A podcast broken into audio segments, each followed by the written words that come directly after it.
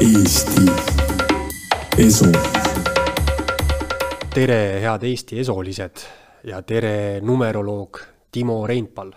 tere, numeroloogia, täna siis saame teada, kas tegemist on kamarajuraga või, või on mingisugune tõepõhi teoorial all, et eh, ilmselt kõik teavad sellist filmi nagu Matrix, kus siis jooksevad roheliselt meil silme ees numbrid. Kogu maailm on numbrite keeles. matemaatika on universumi ühtlane keel. nii ongi. mis asi see numeroloogia on? matemaatika esoteeriline haru. kui nii võib öelda. matemaatika esoteeriline Jah. haru. ja matemaatika, no ütleme jagu kaheks osaks, nagu millega me igapäevaselt tegeleme. ühed on arvud, teised on numbrid mm. -hmm. tavaliselt ei mõtlegi selle peale. arvud tegelevad, ütleme täpselt niimoodi, et arvudega tegelevad raamatupidajad, poodnikud, kaupmehed. aga numbritega tegelevad siis numeroloogid, astroloogid, siuksed asjad. mis on numeroloogia ja astroloogia vahe? põhimõte on sama, ainuke erinevus on see, et numeroloogia on arvutustehnikale põhinevalt lihtsam, käepärasem. astroloogia nõuab nagu, noh, tänapäeval on lihtne seal, paned oma andmed sisse internetti, on ju, programmid on olemas, komp-, need arvutusprogrammid panevad sul kohe plaksti kõik paika, aga vanasti oli väga keeruline, pidid nagu jälgima neid planeetide liikumisi, on ju, aga numeroloogia täpselt teadsid, aga sa pidid loomulikult teadma sünniaega, on ju inimesel, et selle numbri panid kirja, iga numbril oli oma planetaarne väärtus, üks seostatakse päikesega, kaks seostatakse kuuga, no on süsteeme, kus on erinevad need, on ju, aga klassika on, on nagu niisugune. et ta lähenes, ütleme nagu, mitte ei lähenenud, ta ongi üks tervik tegelikult, aga ühe mündi kaks erinevat külge. keda kõnetab rohkem numbrite keel, see jääb sinnapoole, keda astroloogia jääb sinna, aga tegelikult õige, mida mina pean õigeks ühesõnaga, on kasutada neid mõlemaid üheaegselt. kui astroloogias me räägime tähtkujust, inimese sellest sodiaagi märgist, siis äh, numeroloogias, kas see on siis see elutee number? no jah, jumal, seal on palju-palju rohkem, numeroloogia on millegipärast Eestis kuidagi täiesti nagu olematu peaaegu. Minu jaoks oli see väga üllatav. mõtlengi, et astroloogias on nagu selline Jah, põhiline, mida kõik jah, teavad, on see, on see tähemärk, on ju, Ja- päikesemärk. see on lääne Aga- lääne astroloogia päikesemärk, seal on päikekeskus, see on inimese ego, isedus ja see on kõige tähtsam, ta näitab teile energeetilist pagasit. mis see numeroloogias see võrdne on siis? sünnikuupäev, sünnikuupäev. jah, kolmkümmend üks kuupäeva, see on palju, kuidas nüüd öelda, mitmekesisem kui astroloogia, astroloogias on kaksteist tähte. Või see tähemärk, ütleme. Numeroloogias on kohe kolmkümmend üks. elutee ei näita seda, kes sina oled, elutee näitab, milleks sa siia tulid, mida õppima. kuhu suunda su elu kõigi eelduste järgi peaks hakkama minema, noh, inimene tõm-, tunneb nagu ütleme, tõmmet selle, nende õpingute poole, ta, inimese hing sünnib siia ilma selleks, et saada vastavaid kogemusi. ta teeb nagu, noh, mina olen kuulnud seda, ma ise teispoolsusega ei suhtle, aga need, kes on seda teinud, ütlevad, et inimese hing teeb enne siia ilma sündimist lepingu. kõikide nende teiste hingedega ta koos ühte gruppi sünnib. inimesed ei sünni kunagi juhuslikult võõraste inimeste keskel või võõras suhtel, see on väga harv, on, aga need väga harv juhus. Need tehakse lepingud paika, sünnitakse sinna kohta või perekonda, kus vaja on ja hakkabki see tants pihta. kui äh, astroloogia nii-öelda eitajad või, või äh, sellesse skeptiliselt suhtujad toovad tihti välja sellise argumendi, et äh, kui meil on kaksteist tähemärki mm. -hmm. siis justkui kas inimesi ja inimeste karaktereid ongi siis nii lihtne võimalik äh, Ei. kaheteistkümneks jagada ja numeroloogias on siis põhimõtteliselt see arv lihtsalt suurem. ja, tegelikult see ei ole üldse mitte nii. on erinevaid astroloogia lõike, nagu tead ise, on see Hiin- Hiina oma, India, asteekide, indiaanlaste on ka oma sordid, no kõik on need erinevad. aga põhitants käib ikka selle ümber, et kui sa mingid ajavahem, kus sündinud oled, siis noh, nii teatud inimeste grupp nagu on, omab siis sellele vastu energeetikat. tegelikult see on ainult see emotsionaalne pagas või ütleme, mingi kontakt, mis sealt tuleb. aga reaalselt inimesest endast, mis tal nagu on, sellel on terve suur kaart. kui ma inimesega töötan, ma olen endale nagu võtnud noh, niisuguseks raamiks ütleme, et mingi kümme põhinumbrit. Nendest viis on nagu need tugevamad, domineerivamad, neil ülejäänud viis on nagu nõrgema tähendusega, aga ilma, no ilma nendeta ka ei saa. tegelikult on veel rohkem, aga siis mul läheks kirjatööd, mis ma inimestele teen sünnikaardi koostamisel, läheks oluliselt mahukamaks, kui ma kõik detailid sisse paneksin, on ju. No ütleme, et praegu, noh, ütleme, et mingi kahekümne lehe asemel võiks siis vabalt olla kolmkümmend viis, nelikümmend lehte. no inimese esiteks keeruline lugeda, teiseks läheb kalliks.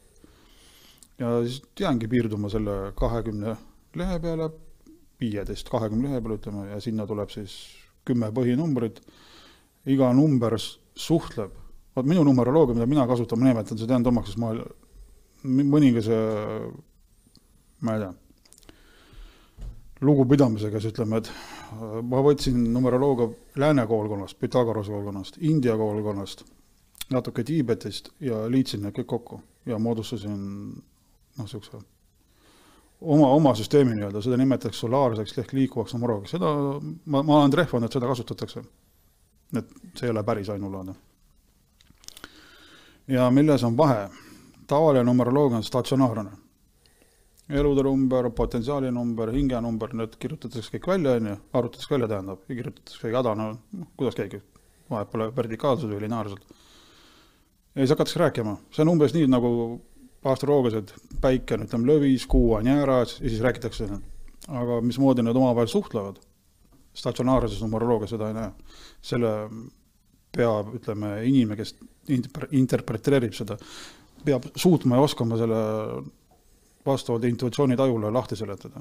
oota, aga noh, täiesti, mina ei ole numeroloogiast midagi no, kuulnud esitad. väga äh,, astroloogiast olen, aga, aga mis need, mis need numbrid olid, elude number? elude äh... number näitab, kuhu sa liigud, miks sa tulid, see on sotsiaalne kohustus mm, -hmm. sotsiaalne vastutus äh,, realiseerumise punkt inimese elus. ja kuidas selle teada saada?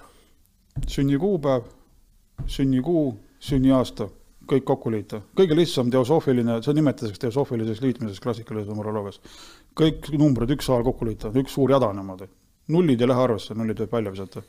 oota, ma liidan kokku siis. mis sul on, ma mul on äh, kakskümmend seitse. see on üheksa. Äh, kolmkümmend. kakskümmend seitse, mis kuu sul on? ei, kokku on kolmkümmend kõik. aa, kolmkümmend on kõik kokku teosoofilises numeroloogias kolmkümmend kolm nulliga, no ma ütlesin tavalise nulli arvestada, aga mina arvestan seda. Äh, see on kõrgem astme kolm, mis kuupäev sul on? kuusteist. kuusteist, oo, siis ma ei imesta, et niisuguse asjadega tegeled mis mis see tähendab siis no kuusteist sünnikuupäevana näitab, nagu ennem ütlesin, kes inimene on mm. -hmm. ja kuueteistkümnega karma võlgadega inimesed mis see tähendab? Äh, vaimses plaanis, eelmises kehastuses või siis eelmistes kehastustes, nagu käsitleb seda numeroloogia filosoofia ehk koolkond nii-öelda, on inimene no ütleme, teistele vaimses plaanis liiga teinud, kõrk, ülbe, uhke, teisi jalge alla trallanud, no ei ole vastutanud ühesõnaga oma tegudest ühesõnaga eelmistes eludes ja, ja nüüd ma olen siis no, ilge sitape olnud no kas just seda, siis peab terve kaarde lahti siis ma pean nägema, kuidas need numbrid, no ütleme antud juhul siis üks, kuus ja seitse on ju, sinu puhul, kuidas need kontakteeruvad teiste sinu numbritega. siis võib jah öelda, kas sa oled ilge sitape olnud või, või kuidas see välja mängib sul selles elus on ju. aga see on niimoodi põhimõtteliselt, seda numbrit juhib ma, ütlen ka vahele, et kui ma teen numeroloogiat, ma kasutan ühte numeroloogilist, astroloogilist meetodi. see on jag-, põhineb jagamisel, mitte liitmisel. klassikaline numeroloogia, kõik on liitmine. et põhimõtteliselt justkui see minu, see oleks, mul on kuusteist, siis üks pluss kuus oleks nagu seitse või? täpselt, ja kui sa oma telefoni vaatad, sul on see tabloo, seal on numbrid on üks, kaks, kolm, neli, viis, kuus, üheksa, on ju. seal tuleb üks nurgast, kuus ja seitse, teravik jääb nagu number kuue peale, vaata mm -hmm.. noh, niisugune koonus nagu ta tekib see on kindel sümbol. see näitab, et need jooled, mis tulevad ühes kuute ja seitsmes kuute, need on pingeseisud, mis annavad lahenduse võimaluse inimesele. number kuute puudutavas temaatikas, see on suhted, kontaktid, heaolu, noh, finantsiline heaolu, on ju. kõik, mis on seotud kaunite kunstidega, igapäevane sotsiaalne suhtlemine, mis me praegu sugusin teeme, see käib ka sinna alla mm. -hmm. selle teemal võib esineda probleeme üks aitab, seitse aitab, annavad lahendusvõtme. see tähendab, üks on ego, inimene ise teeb midagi, inimene ise, üks kuu aega ise tahab suhelda, talle meeldib inimest suhelda, oskab inimestega suhelda. seitse kuus annab sinna juurde veel niisuguse intellektuaalse ja väga terava vaistu. balansseerib ühesõnaga. üks kuus on enesekeskne suhtlemine, seitse kuus on tasakaalustatud, vaimsel laadil suhtlemine, intellektuaalne suhtlemine. seltskond on tähtis, osatakse suhelda, osatakse olla diplomaat, head finantsid on olulised, kuu, kuuel ei saa teisiti olla, kui raha ei ole, huvitav number, see tõmbab raha ligi.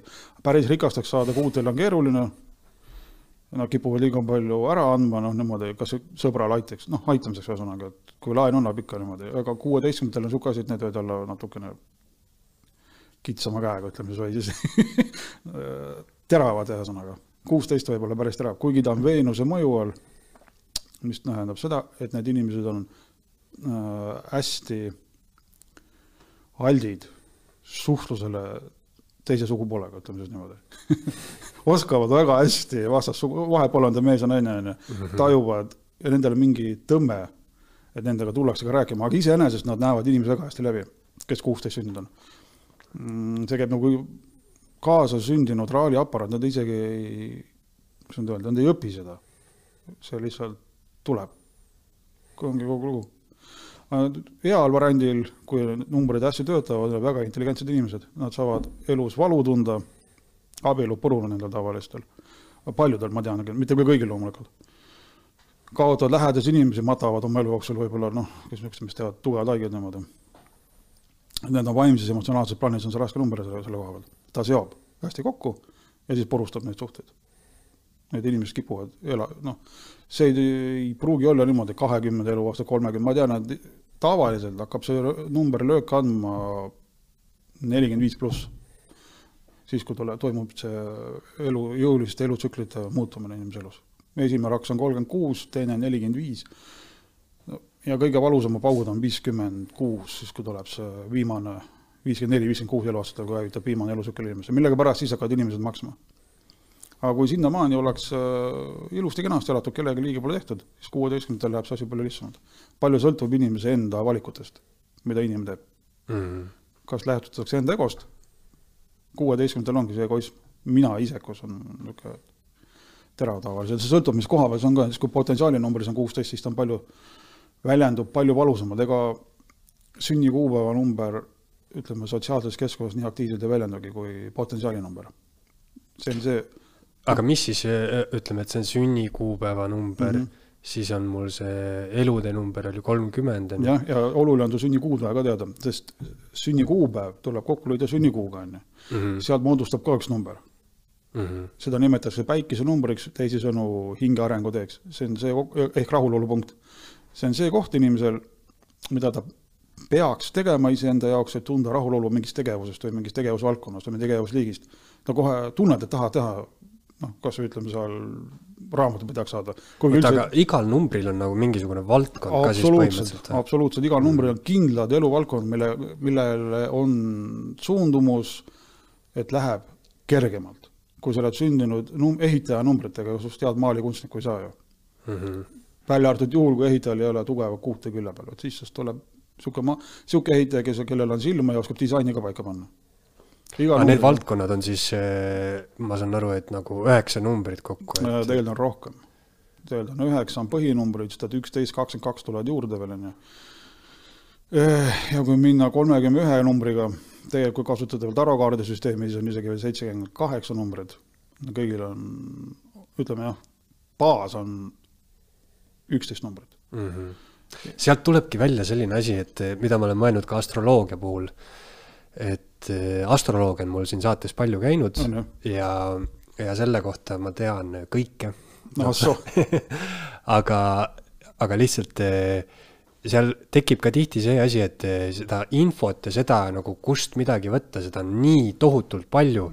võin selle, selle kaardi on ju lahti võtta mm -hmm. ja ma võin põhimõtteliselt igale oma äh, nii positiivsele iseloomuomadusele mm -hmm. kui ka negatiivsele leida mingisuguse põhjuse, miks see oli bla, bla, blablabla.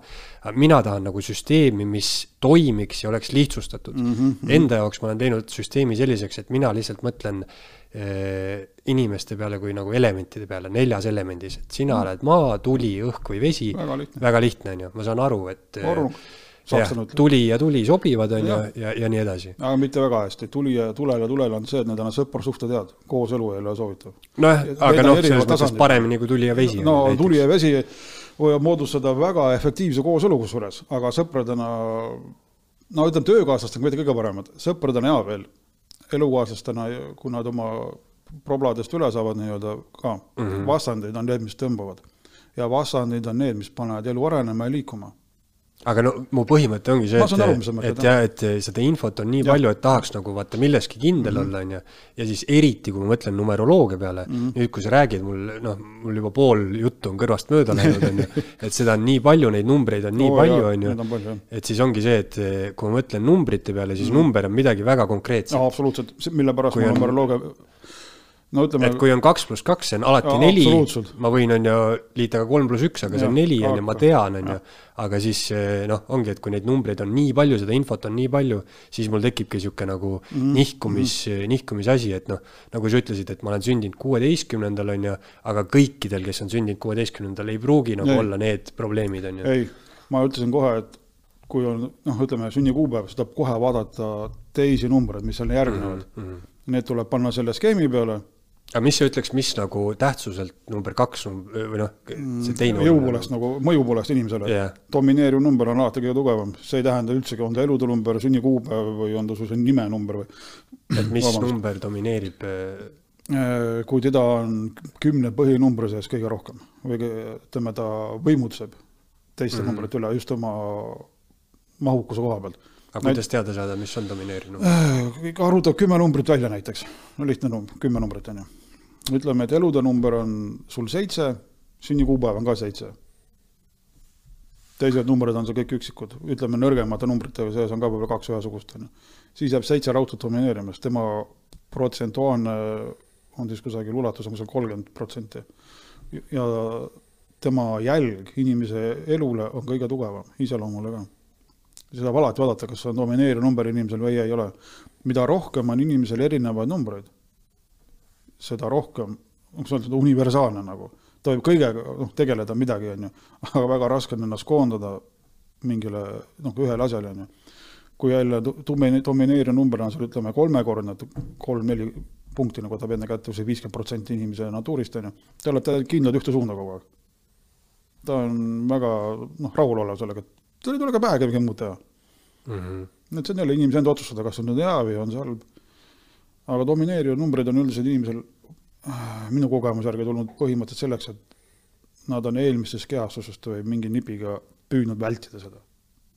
aga kuidas ma teada saan, mis mu domineeriv number on?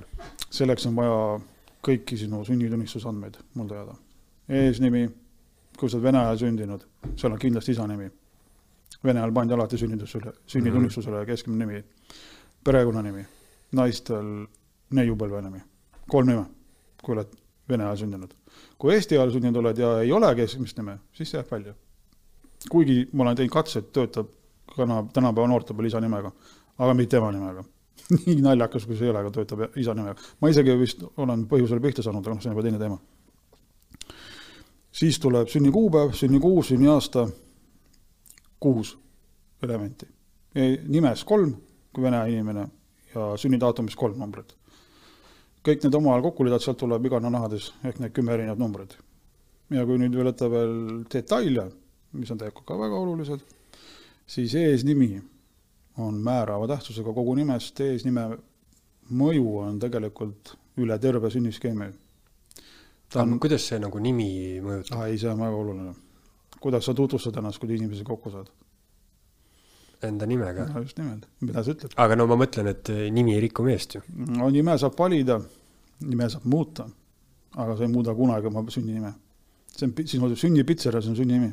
Mhm. see, kui sa seda muudad, sellega sa muudad mitte ainult oma, ütleme seda imidžit nii-öelda, käitumist. eesnimi on seotud otseselt tegutsemisega, ta on aktiivse tegevusega seotud. Mhm. et sellega sa muudad hoobilt ka kohe oma, tähendab mitte ei muuda, sa värvid üle nii-öelda, lisad nagu segmente juurde oma hingenumbrile, motivatsioonile midagi teha. aga see ongi, see on eh, hea küsimus, et näiteks kui, kui kellelgi on mõni kuulus nimi, on ju, Mhm. siis, siis väga tihti ju noh, inimene võib-olla seostab ennast selle kuulsa isikuga, kellegi jaa. nimi on, ma ei tea, Caesar või noh, minul on Just. piibli nimi Taavet, on ju, Mhm. kes tappis Koljati, noh. kusjuures väga, väga hea nimi on. jah, ma olen ise ka mõelnud, et, et noh, või no mina ei tea, mulle meeldib see nimi, on See ju, tänu hea. sellele loole. siin pole isegi lugu vaja, numeroloogilises plaanis on seda väga töötav nimi. aga mis see nagu, kuidas see numeroloogilises plaanis üldse see nimi nagu väljendub või, või mis number sellel on? no ütleme nii, et T kaks, AA neli, V juurde on kaheksa, E juurde on kolmteist, neliteist, viisteist, viisteist tuleb välja. see on, kuidas nüüd öelda, seda tüüpi nimi, mis tõmbab rahalegi mm. -hmm. jõukust, rikkust, uusi ideid, rahutust. kuna hakkab tugeva teega, siis sellel inimesel on usku omaenda tegevusse teistesse inimestesse või noh, tal on vaja tunda, et ta usub millessegi, et ilma sisemise ütleme nüüd selle veendumuseta ei tehtagi nagu mitte midagi. raskusi tekitab võib-olla see, et ollakse natuke otsustamatu, et noh, see kaalukeeled, nii naa, nii naa, nii naa. aga superhead suhtlejad, diplomaadid, rahutegijad, kindlasti mitte agressiivsed mm,. aga teavad, noh, teavad, mida ajavad, oma rida ühesõnaga. põhjus on lihtne, hakkab tugeva teega, lõpeb tugeva teega. sealt, kus energia liikuma hakkas, energia lõpeb, see on ring see on täiuslik energia, taastoodame ennast nagu täiuslik nimi. ei, ta, see, need nimed on perfektsed. kui inimesed se. sellel on vaata mingisugune, kui naised panevad enda lastele nimesid, siis noh, mina, ma olen ka kuulnud niisugust juttu, et ei taha panna poisile mm -hmm. nime, mis algab siis nagu mingi nõrga tähega. jaa, ei, see on arusaadav. tugev tee on nõrk, ütleme, füüsilises plaanis mm. -hmm. vaimses, emotsionaalses, emotsionaalses plaanis, ideoloogilises plaanis on ta väga tugev. tugev tee allub numbrile kakskümmend see on kaks kõrgemas oktavis. Need inimesed äh, juhatatakse eluteele, et teha valikuid teadlikult. paljud inimesed langetavad valikuid otsuseid täiesti alateadlikult. Nad ei mõistagi, miks nad midagi teevad. lihtsalt mulle meeldib mida teha, ma teen nii. aga need inimesed, kelle nimi hakkab tugevat teega, nemad ei teadvustata, mida nad teevad. see on väga suur vahe yeah.. mis, Timo, mis, kui inimene nagu tunneb seda, seda numeroloogiasüsteemi mm -hmm. väga hästi, et ma ei tea, kuidas sina enda igapäevaelus käitud, kas sa jälgid selliseid asju, ma ei Kogu tea, täna on mingisugune kuupäev, täna ma ei tee seda mitte, või? mitte, mitte nii, natuke teisiti. või sa jälgid, kellega sa suhtled või, või? ei, ei, kui ma kellegagi suhtlen hästi läbi, siis ma kohe tean, mis numbrid tal on sees, mul mm -hmm. pole vaja isegi arutama hakata. see on juba kogemusega tulnud. aga kuidas see töötab, on see, et kui ma tunnen, et mul väga hea päev olnud on, siis õhtul ma mõtlen, mis number täna päeval oli ja kuidas see ütleme, päeval on oma number, siis on minu enda number, on ju, ja siis on veel karmaline number, igal päeval on nagu kolm numbrit, ühesõnaga. et kuidas need nagu siis funksivad. teinekord tekib küsimärk, et mitte ei saa aru peaks nagu nii olema, on ju, aga numbrid räägib midagi muud, siis ma, on nagu on. -hmm.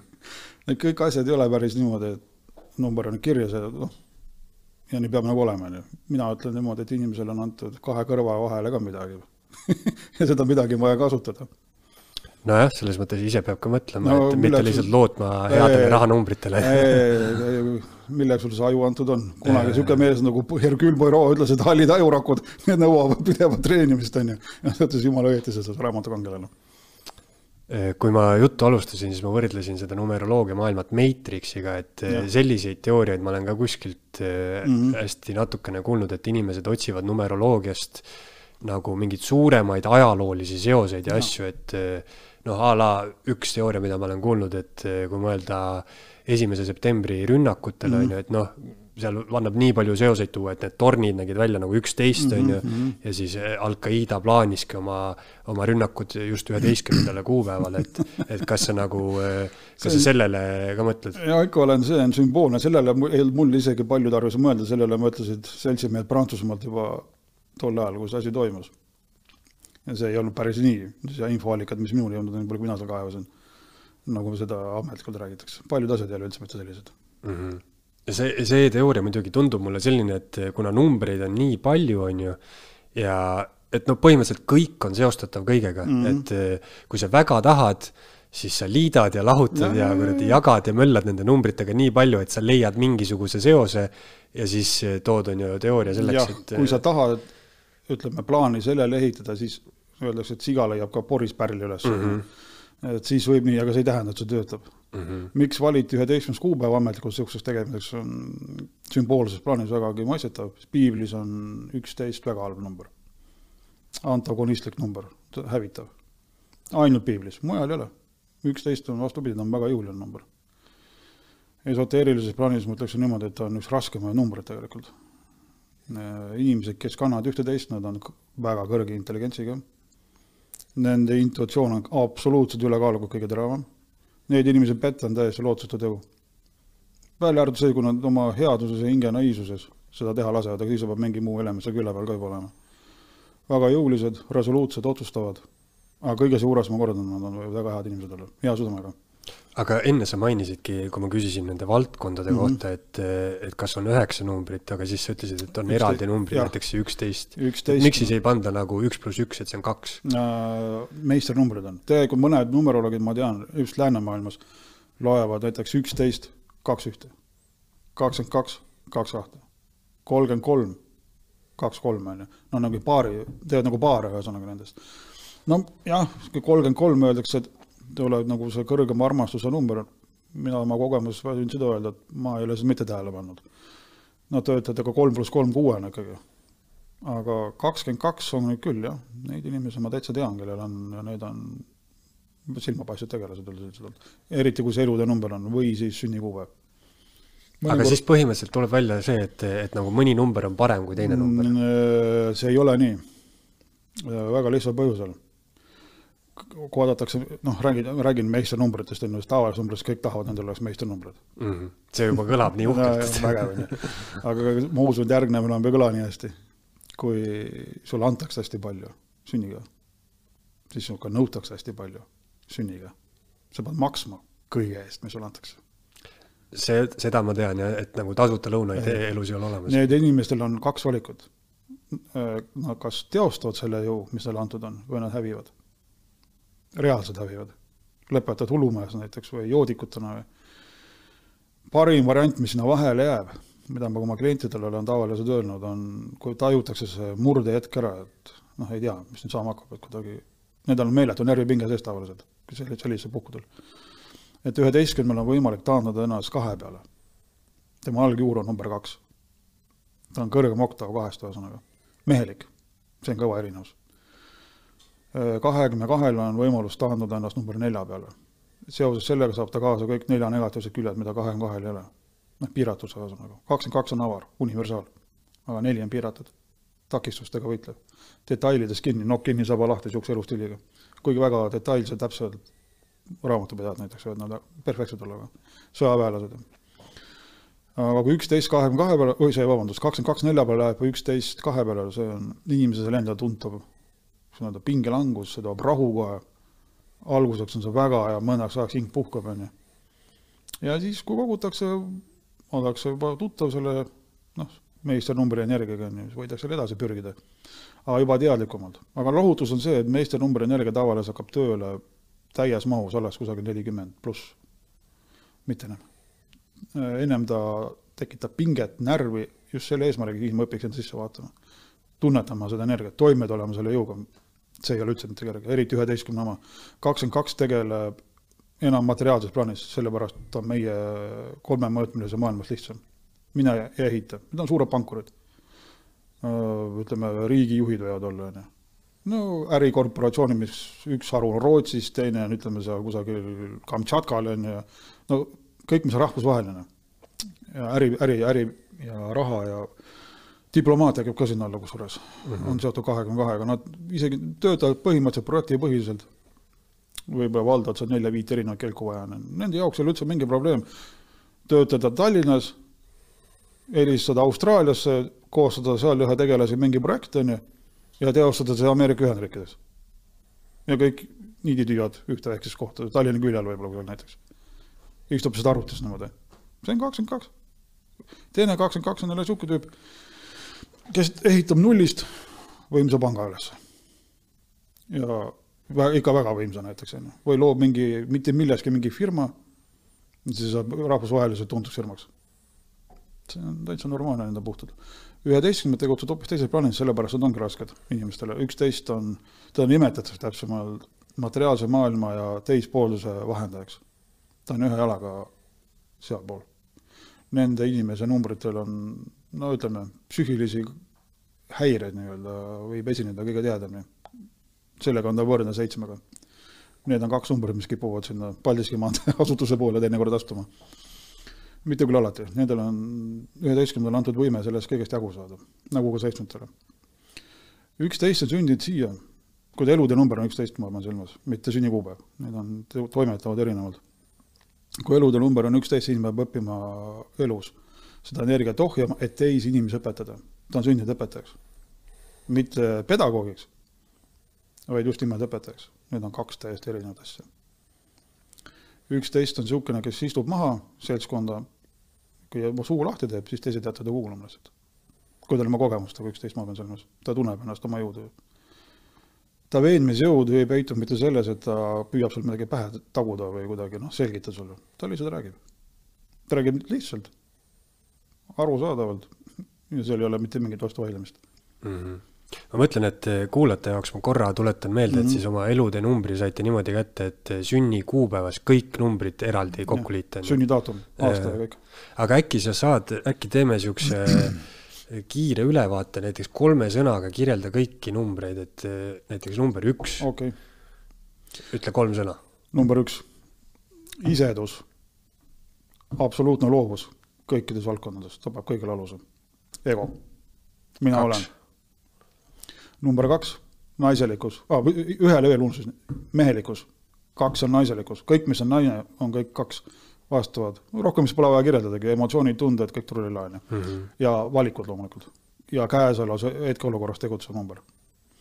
kolm, ühe-kahe liikmine, mehelikkus, naiselikkus koos, tegutseb nagu noh, ütleme teismeline, kahekümne ühe aastane patsaan niisugune, hästi loov, suhtleja, väljapoole suunatud, tulevikku vaatab alati tulevikku vaatav. kui niisugune inimene seltskond tuleb, siis on päike temaga. neli, kolme vastand selle koha pealt. krampis, raamis, pragmaatik, ratsionaliseerib kõike, mida vähegi ütleme, võimalik ratsionaliseerida, et ehitada struktuur. tema ongi struktuur, reaalselt kohe, ilma neljata ei oleks maa peal mitte midagi.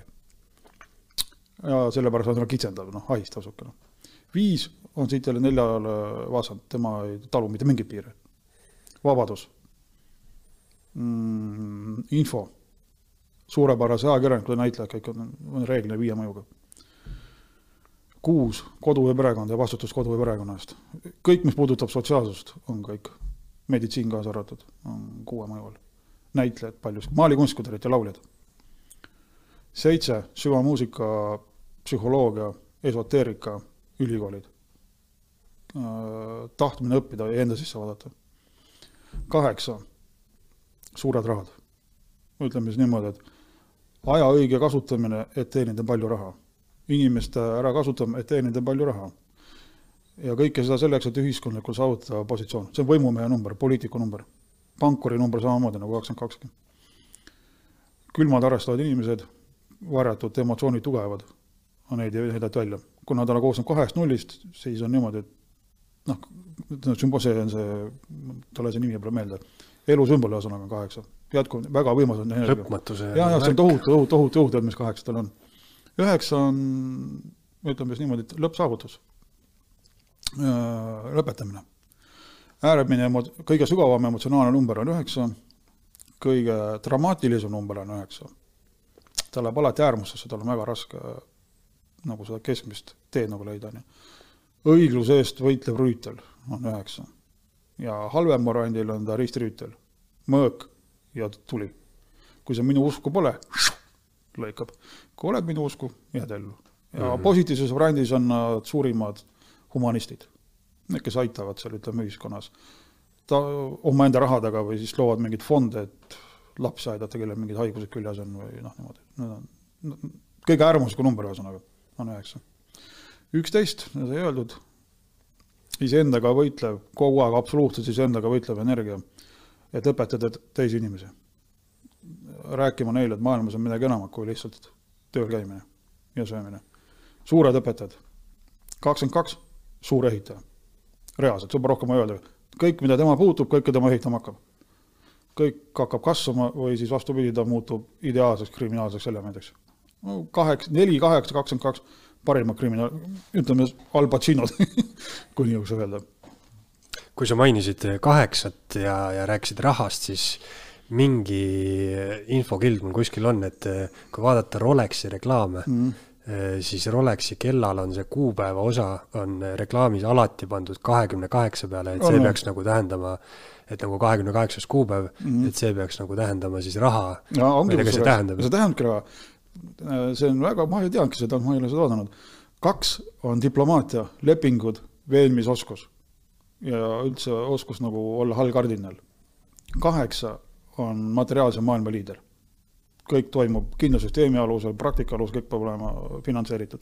kui need kaks numbrit kokku panna omavahel, mis me saame? diplomaadi, kes oskab väga hästi kasutada teisi inimesi enda huvides. juhtida teisi inimesi, enda aru ei saa seda. ja kui need kaks numbrit kokku liita, me saame kümme. Kaks kaheksa on kümme, üks nulliga. kümme on konkreetselt rahanumber mm. -hmm. kas sa oled kohanud äh, ka sellist inimest, et ütleme, no nüüd mul jäi ainult see kaheksa meelde, kolm ka, sest kolm oli minu aga ütleme, et ma ei tea, ütleme, et inimese elunumber on kolm, on ju, minu mm. elunumber on kolm, aga ma käitun noh, täiesti niimoodi, et sa elu sees ei arvaks, ma käitun nagu mingi kuus või, või viis mm. või mis iganes. see on selge, ma, ma tean seda, ma arvutasin su elu, selle eesnime välja, see on kuus ja see käitubki rohkem kuue moodi kui kolme moodi, selles ma ei kahtlegi, eesnimi on alati seotud käitumisega mm. -hmm. ja käitumist mõjutab individuaalsuse number, see saadakse täisnime kaashäälikute kokkuliitmise teel, igal tähel on oma number. Need kaks numbrit vastutavad, ütleme, imidži loomisest ja kuidas inimene ennast väljendab, oma andeid, oma võimeid ja mismoodi ta püüab siis nagu ütleme, oma eesmärkide poole sihtida, seda ütleb potentsiaali number ehk täisnime kõikide tähtede kokkuliitmise teel saadud lõppsumma. sama, mis eluteega tegid, on ju teed nimega ka. vot see mm, -hmm. see on võtmenumber. Äh, eluteel on ta ääretult oluline, siis kui elutee ja, ja nime sa võtad tähed siis lihtsalt tähestiku järgi? ei ole, seal on, ei äh, no ütleme, eestlastel on ja soomlastel ja sakslastel ja kellel on niisugused tähed nagu türklastel ja õ, ä, öö, ü, nendel on erinevused mm. -hmm. mul oli tükk aega enne, kui maadlemist, et tähestiku järjekorras õ peaks olema üheksa, on ju aga numeroloogias on eesti keeles õ alati kuus olnud, ma olen väga palju proovinud ja tuleb välja, et ta töötabki kuuena. aga kust, kust see tuleb nagu õ, noh, minu loogika järgi õ on hästi taga, see peaks olema mingi ja, suur, suur number. ta ongi, ta ongi, aga ta käib, ütleme, kui kokku liita tähesnumbrid jääb nagu üheksani ta taandada. see on endale lihtsalt meeles pidada lihtsalt, näiteks N on tegelikult äh, neliteist. Noh, kui seda täpselt, mis ta number on, saad veel täpsemat infot, ühesõnaga. Mm. -hmm. see viis on neljateistkümnega, käitub teistmoodi kui E, mis on puhas viis. Nendel on ka omad nüansid, aga mm -hmm. ma ei hakka praegu nii sügavale minema, kuulajal võib tekkida absoluutselt sahiseb kusagil midagi Ü näiteks oli täht, millega mul oli ka pikka maad, maadlemisest, Ü ja U on Eesti, kunagi eesti keele numeroloogias ma lukku, see oli üheksakümnendatel ilmus raamat, et Ü oli pandud U-ga kokku, aga kui sa hääldad Ü-d ja U-d, need on täiesti erinevad häälikud. ja peale selle nendel kui neid nimesid kasutada, on täiesti erinevad tulemused ka mm.. mina ligitan Ü-d seitsme alla. Ü on, kõlab puhtalt, kõrgelt ja ta on niisugune selge, nagu number seitsegi on. seitse on ka, mis oskab väga puhtaks kõik asju klaarida, see ei ole tema jaoks mingi küsimuski vahepeal, vahepeal visatakse kuskil, kuskil meedias ette selliseid numeroloogia artikleid, et arvuta enda elude number, arvuta enda kaaslase elude number, siis mm -hmm. saad teada, kas te sobite. et kuidas see numeroloogias on, kas mingi number sobib mingi numbriga palju paremini? jah, nii on, eluteedega on niisugune asi, et sa eluteesid kokku vaadates näed elu kulgemist, mida üks partner õpib, mida teine partner õpib ja kui need omavahel kokku liita, saab kahe inimese ühise eluraja nii-öelda. nüüd, kui see ühine elurada sobib ühele rohkem kui teisele, siis see, kellel ta ei sobi, või võib hakata ponksima sellega et talle hästi ei meeldi võib-olla, on ju. aga mis suhet koos hoiab, see on hingenumber tegelikult. see on see, mida tavaliselt kellelegi näidata inimestele, tunned inimest sügavalt lähemalt, siis tead, mis ta tegelikult on. aga kuidas hingenumbrit arvutatakse? täishäälikud kokku. kõik nimes olevad täishäälikud kokku ja üheks no kõige lihtsam on eesnimes või? kõik kõik, mis su sünnitunnistused nimed on, kõik täishäälikud kokku mm. -hmm ja siis on lihtne, ma täisnumber ütlema hakkaks, mina kasutan alati vahenumbrit ka, kolmkümmend seitse tuleb üks, tuleb kümme ja kolm, seitse, kümme, üks on, aga kakskümmend kaheksa tuleb ka kümme, aga ta on naiselik number, kolm, kaks, kaheksa, mõlemad on naiselikud numbrid, on ju. kolm, seitse on mehelikud, need toimetavad erinevalt. ja, isegi nende need, ütleme, algus kolm ja kaks on, noh, nad on erinevad mm. -hmm. et pigem selle elutee numbri järgi, selle järgi ei ole mõtet ei, vaadata? elutõe, ta jah, ütleme, ta viib inimesi lahku, ma tean, et ta on viinud inimesi lahku, ütleme, kui ütleme, isegi seal ütleme, potentsiaalinumbrid hästi sobivad või hingenumbrid on ju, siis tahetakse võib-olla liiga palju karjääri teha, kui mõlemad on karjäärinumbrid, siis kistakse ka isegi sobilike inimeste vahel elu katki. Tahavad ennast tõestada. ja kui mõlemad on koduvälised numbrid veel, elunumbrid, no siis kaheksa, üheksa on ju, seal on ja ütleme, hingenumbrid sobivad, ta peab väga tugevad isiksused taga olema, siis kaheksa, üheksa kumbki järgi ei anna mõlemad tahavad ennast teostada ühiskonnas mm. -hmm. See on küll oluline jah, et üks elude number oleks see, mis kodu eest vastutab ja teine, mis välise teguri eest. see ei ole, tänapäeva maailmas pole enam oluline, on see mees või naine, kuigi eelistatav peaks mees ikka väljapool tegutsema, mehe, mehed on sündinud selleks, et tegutseda väljapool, mehe, ütleme, geneetika on selline lihtsalt. mehe genitaal on selline. nojah, see on füsioloogia, aga üldse Nojah, jah, nii siin ei ole midagi teha, see on niisugune energiapagas jah, nüüd tänapäeva lääne ühiskonnas on tehtud niimoodi, et teadlikult ja kunstlikult, et naised seda teeksid, hakkaksid noh, kodudega välja minema, see lõhub perekonna ära. ja perekond on riigi ja rahvuse alustala, kui riik, rahvusel alustala ära võtta, sündimus kukub kohe. seda tehti Vana-Roomas muide, see on täiesti teatud teada asi. ja see töötab alati, selle kohta üks hea ütlemine, et rahvaid ei hävita sõda, rahva hävitab naine, kui ta keeldub sünnitamast no seda mõju on näha jah, sest statistiliselt ju vist noh, tohutult hilja nüüd sün-, sünnitatakse. see hävitab rahva ära, sest tegelikult kõige tugevamad ja jõulisemad ja energilisemad lapsed sünnivad naistel, kes sünnitavad kaheksateist kuni kakskümmend viis eluaastal. Mm -hmm. noortel naistel, nende lapsed on kõige jõulisemad. mida vanemaks jääb, seda nõrgemaks. ütleme, noh, ta võib olla vaimses plaanis natuke targem, võib-olla nagu väidetakse, mina ei tea seda, lihtsalt ma olen kuulnud, nii öeldakse. aga see ka tõele vastab, ei oska öelda. Aga mida ma kindlasti füüsilises plaanis tean, on see, et noorematel paaridel sündinud lapsed on alati jõulised.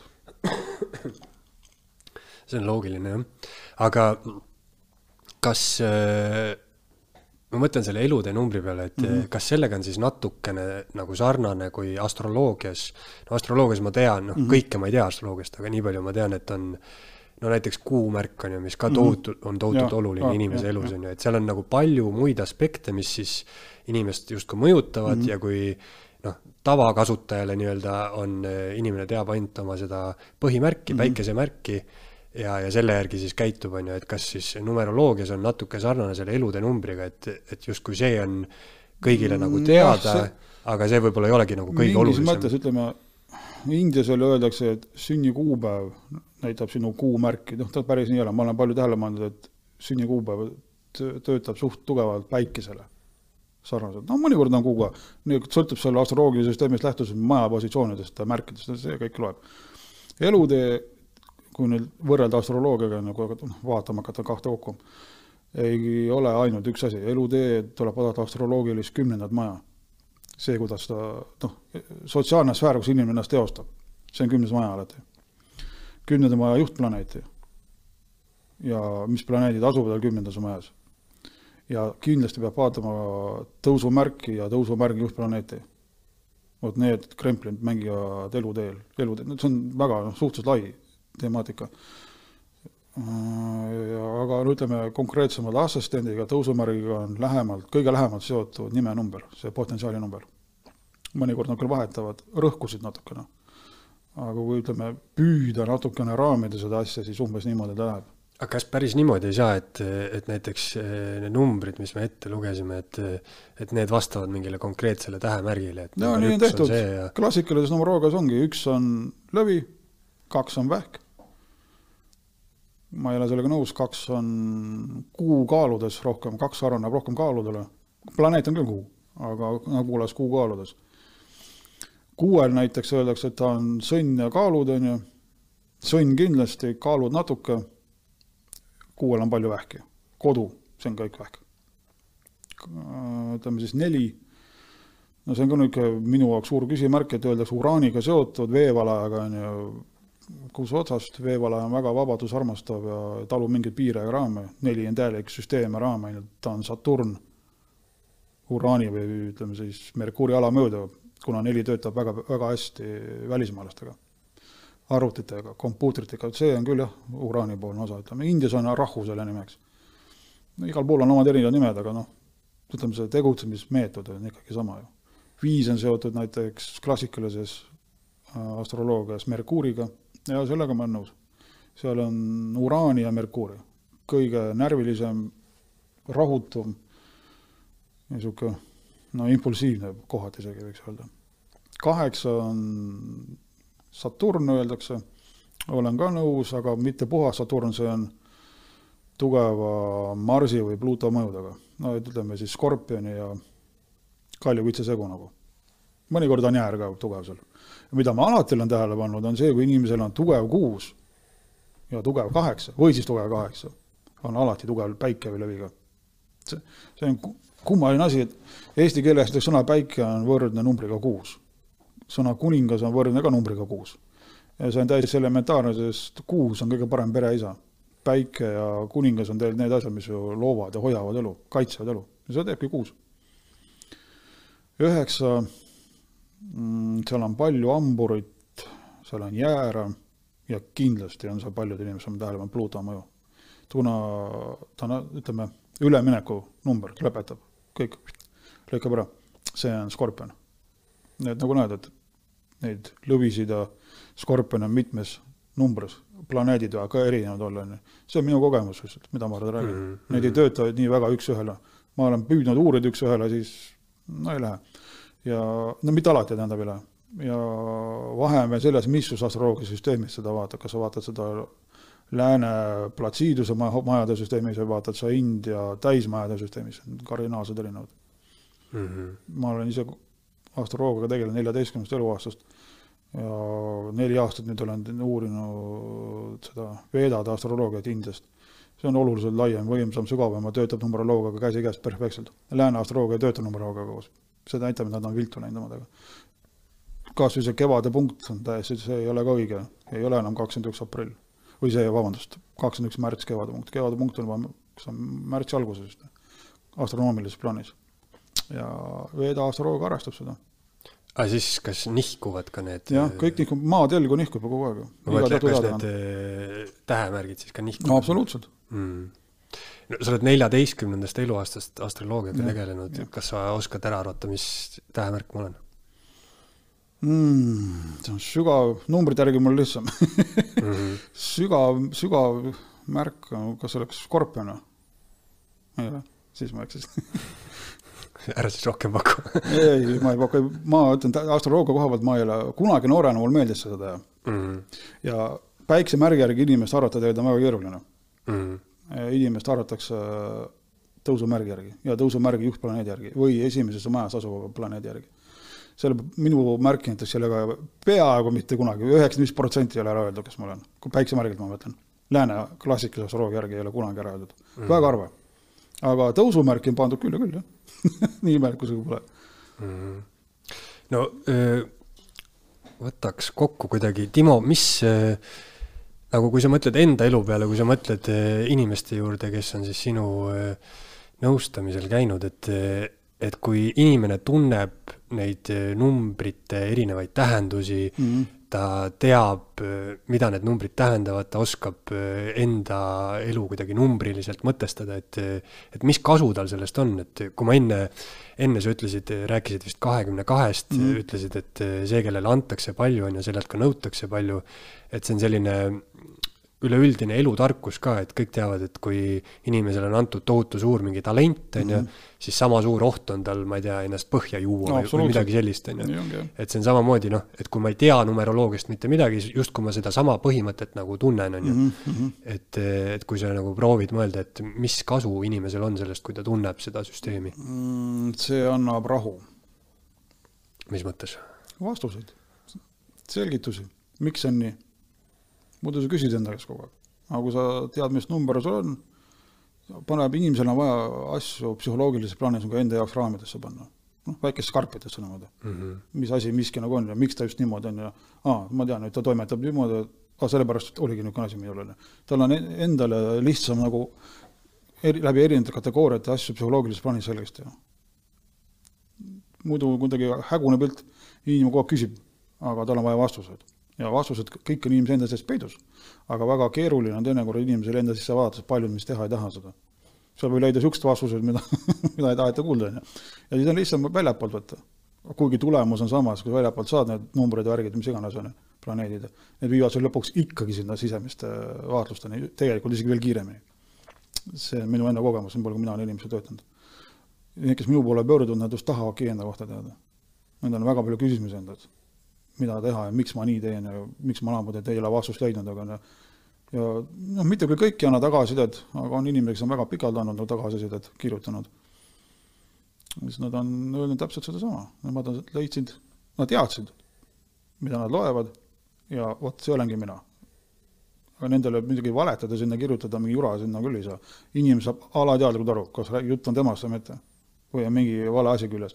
mulle on öeldud niimoodi, et üllatav, et ma ei teadnud, mis niisugune asi on, aga ma hakkasin takkajärgi mõtlema ja ongi läbi elu niisugune asi kaasa jooksnud. ma pole tähele pannudki siis öeldakse aitäh, et ütlesid umbes niimoodi. Need on küll olnud juhtumid.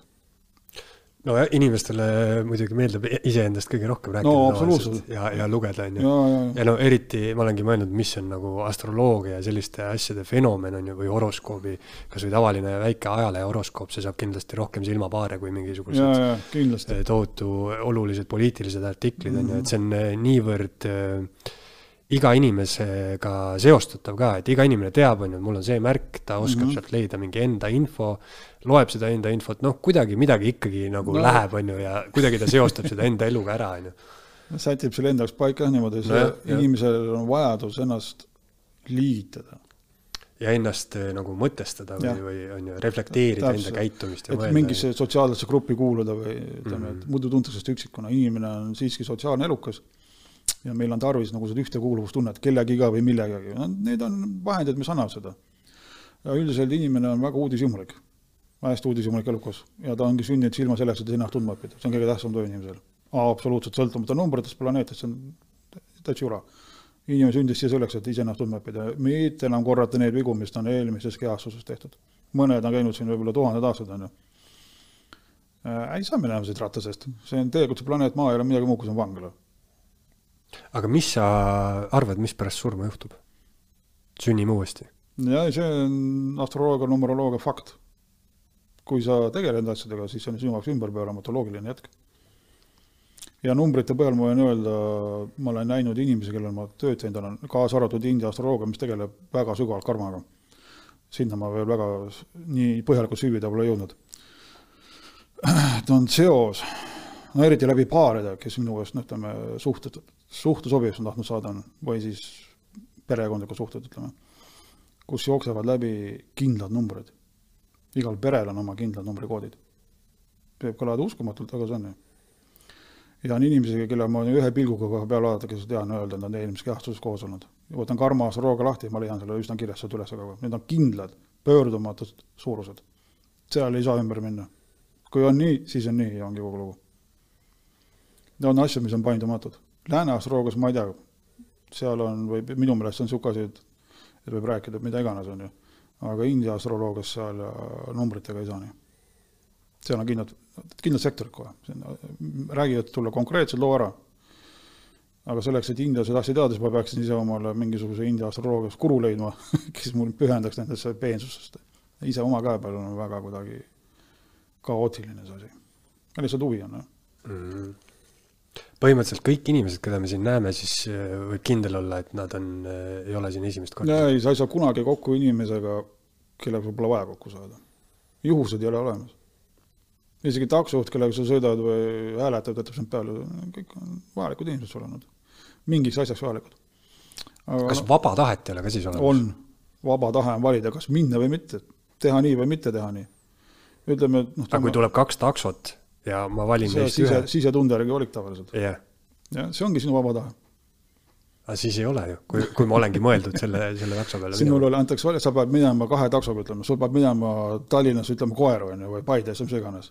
sul on valimisel võib-olla kümme taksot, on ju mm. -hmm millise sa endast valid, sa olid selle, mis tunne, noh, kui järjekorras kõige esimene, siis on pole valikuvarianti, sa lähed, aga kui kõrvuti seisaksid sul mingi, ütleme, instinkt või taju või midagi. ükskõik ja mil-, mingi info põhjal sa nagu valid selle. jah, värvi järgi või sa valid aga inimene valib alati vastavalt enda eelistusele. paljuski käib kas automark või värv endast, kui taksost jutt, jutt on. ja see lähtub jälle inimesest endast, tema vajadusest. mis lükkab ta sellele teele. selles mõttes jah, valikuvabadus on olemas, aga otsustav roll, kui nüüd korra veel numeroloogiaks minna, on siiski jõunumbri käes sellest ma rääkinud ei ole. et siis minnakse ikka just sinna teed, kuhu on nagu soodsam inimesel kalduvus, suurem kalduvus minna, ütleme niimoodi. alati on, ta ei sunni sind, no nagu nende süstimistega oli, et ei sunni süstima, aga jääd tööst ilma, kui süsti ei tee. no sul on valik ühesõnaga. aga ise otsustad, mida teed aga tegema sa pead midagi. no väga siis ei ole valikut. no vot, see ongi niisugune asi, et valikud on ühes olukorras, oh, kusjuures on niimoodi, ma ütlen, et inimesi, kellel ei olegi valikuid väga. kohe näen ära, kui ma inimese sünnikaardi teen, sajaprotsendiliselt. seda ma võin päris kindlalt öelda. ja on inimesi, kellel on näiteks minevik väga tugevalt kinni olnud, tugevate noh, jälgedega tulnud, aga tulevik on täitsa lahti. talle on antud seega võimalus see mineviku pool ära töödelda endal, kui toetav ühendus on olemas. ja kui see tehtud on, siis tulevik on su enda kätes. ja on inimesi, kelle mineviku pool on lahtine. Nendel nagu polegi mingit toetust sealt tulnud kergelt, ühesõnaga. aga tulevik on kinni, sund, sundmärgi all nagu hästi tugevalt. Nemad peavad hullud rabelema kindla joone peal, kindla liini peal. kuigi nooruses võisid tunda ennast väga kergelt ladanud, elu trullella. ja tulevikus hakkavad rabelema, nii et seda nagu on. tunnevad nagu midagi pressiks peale kogu aeg, peab nagu midagi ära tegema tuleviku suunal see on igalühel on erinev, vastavalt sellele, mis su see karmaga nad tulevad, nagu see oli noh, hindepäraselt saad öelda. missuguse kohustustega ja ülesannetega nad tulevad siia, igalühel on omad. ja siin nüüd ei loe mitte ainult numbrid, vaid siin loevad numbrite vahelised ühendused mm. -hmm. ja need, see on juba teine teema. siiani oleme rääkinud statsionaarsetest numbritest, nende järgi karmat välja lugeda saab äh, kahe, kahel viisil.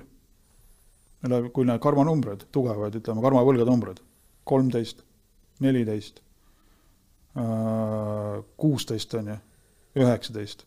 Need on kõik erineva eluvaldkonna karmaliigid, raske karmaliigid kusjuures. kuusteist on vaimse karmaliik, üheksateist on egoga seotud, see on väga pealepressiv.